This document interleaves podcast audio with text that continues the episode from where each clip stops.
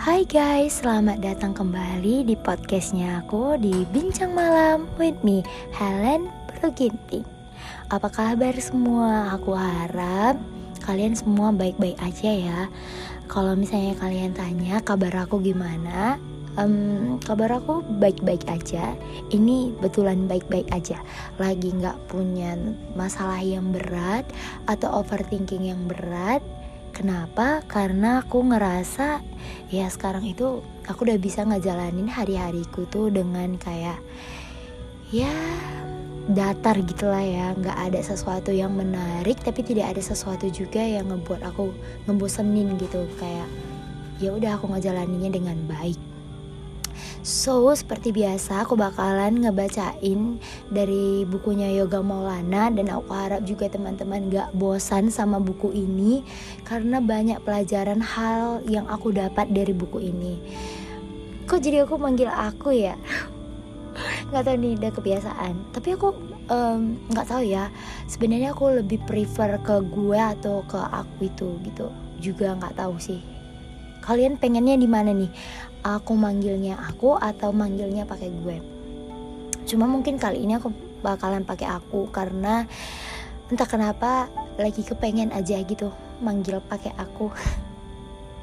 Jadi uh, untuk teman-teman yang baru pertama kali dengerin podcastnya aku dan nggak tahu Yoga Maulana itu siapa dan buku apa yang bakalan kita bahas kali ini Yoga Maulana adalah seseorang yang awalnya itu dia nge-review buku dan dia juga punya penyakit mental health pada saat itu juga dan dia juga udah beberapa kali ke psikiater dan pada akhirnya dia menerbitkan satu buku dengan judul Ternyata Menjadi Dewasa Itu. Banyak hal dan kejadian yang membuat dia membentuk dia untuk menjadi Yoga Maulana yang sekarang dan jangan khawatir, aku udah minta izin ke Yoga Maulananya langsung untuk ngebahas bukunya di podcastnya aku. So kalian jangan takut kalau misalnya ini itu bajakan atau gimana.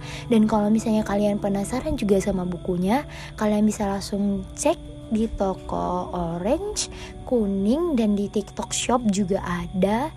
Harga bukunya tuh nggak nyampe ratusan, harganya itu sekitar 80-an dan masih worth it untuk dibeli apalagi untuk kita yang sekarang itu masih uh, ngerasa dunia ini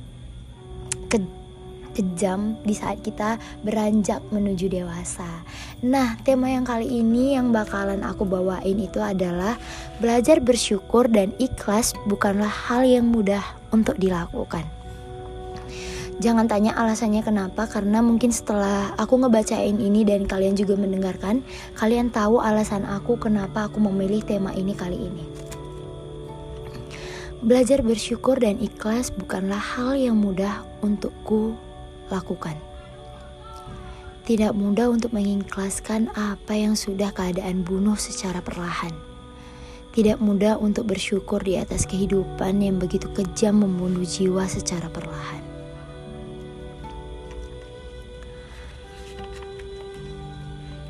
Mungkin saja kita tidak pandai bersyukur karena terlalu fokus dengan hal-hal yang belum kita miliki, dan mungkin saja kita tidak pandai bersyukur karena selalu melihat kehidupan orang lain yang lebih indah hingga lupa tentang apa yang sudah kita dapatkan. Mungkin beberapa kali dari kita pernah merasakan bersyukur di tengah kondisi hidup yang rasanya sungguh memilukan. Seakan-akan kita dipaksa untuk menerima dengan waktu yang begitu cepat tanpa mengerti bahwa kita juga butuh sedikit jeda untuk bernafas. Aku tidak munafik bahwa kondisi yang kadang membuatku tertekan adalah keadaan yang memaksaku untuk bisa bersyukur dan mengikhlaskan. Bagaimana mungkin aku harus bersyukur untuk hal-hal yang membuatku aku kecewa? Bagaimana mungkin aku harus ikhlas di saat aku tak siap untuk merelakan? Begitu peliknya kehidupan jika aku rasakan aku harus berpura-pura baik saja, sedang kondisiku, jiwaku hancur berantakan. Tidak sedikit, justru beberapa orang memberikan solusi untuk permasalahan yang sedang aku hadapi dengan kalimat memperbanyak bersyukur dan ikhlas. Seakan muak dengan deretan nasihat yang berkutat di situ-situ saja, justru membuatku semakin marah kepada keadaan. Aku tidak mau membohongi diriku sendiri. Semakin aku mengeluh atas keadaanku, semakin sering aku merasa kesakitan. Hari-hariku semakin kelam, bukan semakin mendekat kepada Tuhan, justru langkahku semakin menjauh. Hingga satu malam dengan pintu kamar yang sedikit terbuka, aku melihat ibuku sedang tidur begitu lelap. Aku melihat bagaimana keriput-keriput di mukanya semakin menekuk parasnya yang cantik aku melihat bagaimana dia memiliki banyak harap di tengah-tengah masa tuanya. Kini hanya sisa berdua. Aku dan ibuku yang sedang berusaha dihidup di tengah keadaan penuh tekanan. Keadaan memaksaku untuk menerima bahwa tanggung jawabku bukan hanya tentang aku saja. Ada keluarga yang kini mengharapkan aku untuk kuat dan bisa meningkatkan kualitas kehidupannya. Ada keluarga yang kini begitu menaruh banyak harapan tanpa tahu aku juga begitu merasa kelelahan. Dan setelah menyadari bahwa begitu banyak hal yang terpaksa dikubur oleh kenyataan, aku memilih mundur dan berputar arah. Sebab beberapa hal harus bertemu jalan keluar dengan cara melepaskan dan mengikhlaskan. Kenyataannya sejak keluarga aku kehilangan masa jayanya, aku tidak bisa melanjutkan kuliahku kembali dan terpaksa mencari pekerjaan untuk membantu menopang kehidupan ke depannya. Dan banyak hal lain yang membuatku merasa kehilangan, membuatku merasa kecewa dan murka kepada keadaan.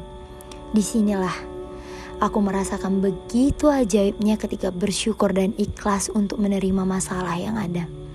Dengan sadar aku meminta izin kepada diriku untuk tidak membiarkan tubuh ini merasa lemah secara terus-menerus.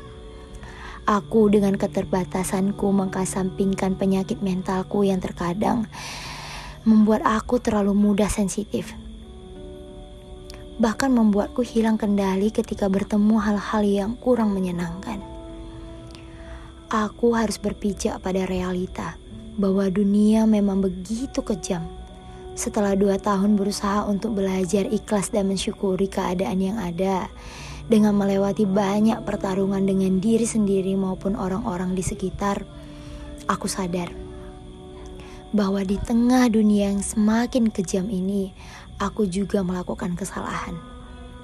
Aku hanya bersyukur ketika aku berhasil mendapatkan apa yang aku inginkan dan kembali mengeluh dan menuntut keadaan ketika melihat hal-hal yang belum aku dapatkan. Aku hanya fokus pada hal-hal yang belum semesta berikan. Terus-terusan membandingkan kehidupanku dengan orang lain dan membiarkan rasa iri ini mengendalikan diri untuk terus mengeluh tanpa ada henti. Dengan bersyukur aku menyadari bahwa begitu banyak hal kebahagiaan kecil yang sudah aku lupakan. Aku masih memiliki kesempatan untuk bisa cukup dalam sandang, pangan, dan papan. Meskipun tidak semewah orang lain yang aku lihat, aku masih memiliki tubuh sempurna yang bisa aku ajak untuk berkoordinasi ketika aku harus bekerja lebih keras untuk melakukan banyak hal pekerjaan demi menopang kehidupanku ke depannya. Aku masih diberikan banyak pilihan untuk mendapatkan kesempatan-kesempatan kecil yang ternyata bisa membawa aku untuk mendapatkan hidup yang lebih stabil seperti sekarang. Bersyukur mungkin tidak membantuku untuk menyelesaikan masalahku, tetapi dengan bersyukur secara tidak langsung mendatangkan ketenangan dalam diriku. Dengan ketenangan, aku bisa berpikir lebih jernih untuk menentukan jalan keluar dalam setiap permasalahan yang sedang aku terpa saat ini. Ikhlas mungkin tidak membantuku untuk menyelesaikan masalah, tetapi dengan mengikhlaskan, aku melihat begitu banyak rezeki yang tiba-tiba datang dan menggantikan sesuatu yang pernah hilang dengan sesuatu yang lebih baik. Entah dengan keajaiban, kebaikan semesta mendatangkan orang-orang yang sudah lama tidak hadir dalam kehidupanku. Mereka datang tanpa melihat siapa aku sekarang tanpa memedulikan seberapa sedikit uang yang aku punya, tanpa memedulikan masa laluku yang begitu memilukan dan membantuku untuk memperbaiki hidup yang hancur remuk oleh kenyataan. Pada akhirnya, bersyukur dan ikhlas adalah salah satu kunci kehidupan yang tidak akan pernah aku tinggalkan. Bersama rasa bersyukur, aku tahu bahwa kehidupan tidak begitu menyedihkan.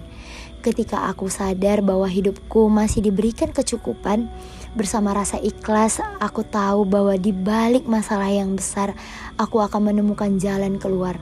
Karena aku memiliki Tuhan yang lebih besar dari masalah yang sedang aku hadapi sekarang. Memang tidak mudah untuk aku bisa bersyukur dan ikhlas, begitu pula tidak ada perjuangan yang instan di dunia ini. Tetapi, jika kita kok berjalan perlahan-perlahan untuk terus belajar, untuk terus konsisten dalam memperbaiki diri, entah kapan pun itu semua akan terbayarkan. So itulah kalimat dari bukunya Yoga Molana dengan judul ternyata menjadi dewasa itu. Uh, gue tuh nggak bisa berkata apa-apa lagi dengan kalimat yang ada pada buku ini yang khususnya dalam tiga lembar ini. Entah kenapa jawaban ternyata dari setiap masalah itu ya kuncinya hanya ada dua yaitu bersyukur dan ikhlas. Kadang tuh pertama-tama gue dengar kalimat ini tuh rasanya menjijikan gitu. Karena menurut gue dengan lo bersyukur dan ikhlas itu tandanya lo kalah dengan keadaan yang lo hadapin sekarang.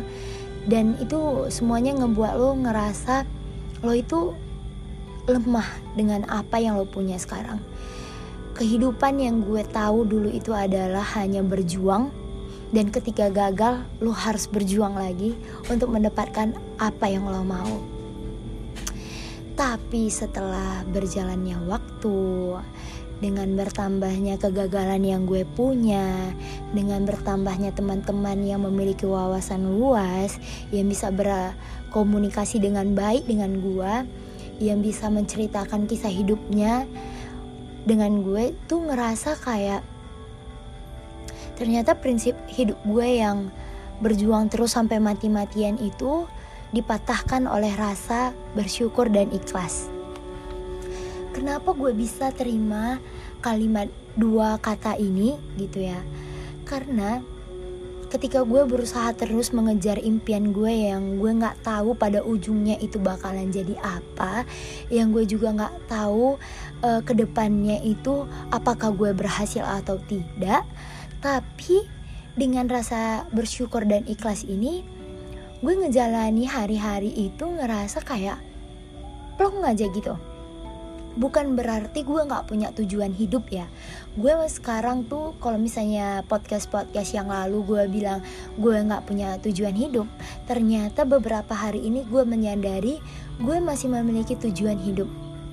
Kalau misalnya tujuan hidup gue itu adalah contohnya menjadi berkat untuk banyak orang baru setelah menjadi lulusan kebidanan D3 ini gue mau ke mana menurut gue itu adalah tujuan hidup gue sekarang dan yang paling uh, terutama setelah menjadi berkat untuk banyak orang adalah membahagiakan kedua orang tua gue. Mungkin lo pada kayak bertanya-tanya emang lo saat lo bilang lo nggak punya tujuan hidup itu lo nggak pengen ngebah ngebahagiain orang tua lo? Jawabannya adalah enggak. Kenapa enggak? Karena gue ngerasa nggak pantas. Karena gue ngerasa gue menjadi anak yang gagal pada saat itu. Nah ketika gue belajar bagaimana rasanya bersyukur dan ikhlas dengan keadaan yang gue yang gue jalanin sekarang tuh ya gue menjadi seseorang yang um, bisa menerima keadaan gue sekarang gitu loh. Mungkin uh, gimana ya? Mungkin gini lo pengen sama satu buah nih karena di sini itu banyak pohon ya. Jadi kayak lo melihat pohon lu pengen kan satu buah itu? Tapi um, buah itu belum mateng. Tapi gue lo pengen gitu loh. Dan ketika mateng ternyata ada orang lain yang mengambil buah itu. Ya dan lu ikhlasin tuh buah kayak ya udah deh satu buah sama dia aja gitu. Gue masih bersyukur kok gue masih punya uh, gue hari ini udah makan gitu. Walaupun mungkin gue nggak makan buah yang gue pengenin tadi tapi hari ini gue masih makan. Tanpa lo sadarin mungkin ketika ada orang lain yang mengambil buah itu tadi dia berinisiatif untuk memberikan buah itu tadi ke lo lagi. Kayak gimana ya gue jelasin secara lebih singkat gitu. Ketika lo pengen sesuatu lo nggak bakalan tahu kalau misalnya uh, itu bisa menjadi datang ke lo atau enggak pada nantinya. Gue takut lagi nih soalnya sapam lagi nyenter nyenterin jadi untuk lo semua pada yang masih berusaha untuk mencari makna di dalam hidup lo dan mencari dasar di atas hidup lo coba deh um, coba dasar hidup lo agak diperbarui. Kenapa gue bilang gitu? Karena menurut gue uh, dasar hidup itu penting karena ketika lo punya dasar hidup ketika lo punya masalah itu jadi lo tahu landasannya gimana caranya untuk mengatasi masalah tersebut. Jadi lo nggak uh, yang namanya lo nggak jadi um, jadi terombang ambing gitu. Lo tau kan kalau misalnya kita punya rumah pondasinya itu harus kuat. Nah begitu juga lo ngejalanin kehidupan lo harus punya pondasi yang kuat nih dalam kehidupan lo. Jadi entah kenapa gue ngerasa pondasi kehidupan gue tuh di umur yang 20 tahun ini sedikit berubah. Yang awalnya pondasi hidup gue itu setiap apa pun yang gue mau gue harus dapat dengan cara gue berusaha mati-matian. Tapi sekarang di umur gue yang 20 tahun landasan hidup gue itu adalah pertama letakkan semua itu kepada sang pencipta atau gue Tuhan kan. Jadi gue letakin semua masalah gue gue letakin semua cita-cita gue gue letakin seluruh kehidupan gue itu di tangannya. Dan yang kedua adalah gue bersyukur dan ikhlas dan menerima setiap keadaan apa pun yang Tuhan gue beriin nantinya ke gue. Karena dengan dua ini sejalan gue yakin gue gak bakalan terombang ambing dalam kehidupan mungkin gak secepat itu gue berproses untuk bisa menerima semua keadaan yang gue jalanin sekarang. Mungkin lo pada ngerasa kayak apa yang gue omongin sekarang itu adalah bullshit. Tapi inilah yang gue pegang sekarang pondasi hidup yang gue pegang sekarang. Dan semoga ke depannya lo juga bisa tahu apa pondasi hidup lo. Semoga lo juga bisa ngejalani hidup lo tanpa terombang ambing ketika ada masalah besar yang akan menerpa lo pada jadi mungkin sekian dulu untuk podcast gue kali ini. Gue nggak tahu kenapa tiba-tiba gue pengen ngebahas ini karena tadi pagi tuh kayak um, gue ngebaca buku ini lagi. Lo tau lah gue orangnya itu yang kayak gue suka baca buku tapi gue males untuk mengakhiri buku tersebut. Karena gue takut aja gue takut yang namanya akhir. Dalam hidup gue itu gue takut yang namanya akhir. Jadi Terima kasih untuk teman-teman semua yang udah dengerin podcast ini. Gue harap uh, ada sedikit manfaat atau bahkan hanya untuk nemenin lo tidur atau hanya untuk nemenin lo pada um, overthinking malam ini tapi gue berharap semoga ada beberapa hal yang lo dapat pelajarin dari podcast kali ini dan untuk teman-teman yang baru pertama kali join di podcast ini atau baru pertama kali dengerin podcastnya gue dan tertarik, jangan lupa scroll ke bawah dan lihat episode-episode yang gue buat dengan tema-tema yang menarik lainnya. Ada kisah percintaan, ada self improvement. Lo bisa lihat dan lo bisa juga download uh, supaya lo nggak makan paket dan bisa dengerin secara offline dan kalau misalnya ini yang pertama kali gue ucapin selamat datang dan gue harap di pertemuan pertama ini bukan menjadi pertemuan akhir kita tetapi menjadi pertemuan pertama yang bermakna untuk aku dan kamu bisa menjadi seorang pembicara dan pendengar. Uh, mungkin sekian yang bisa gue ceritain malam hari ini.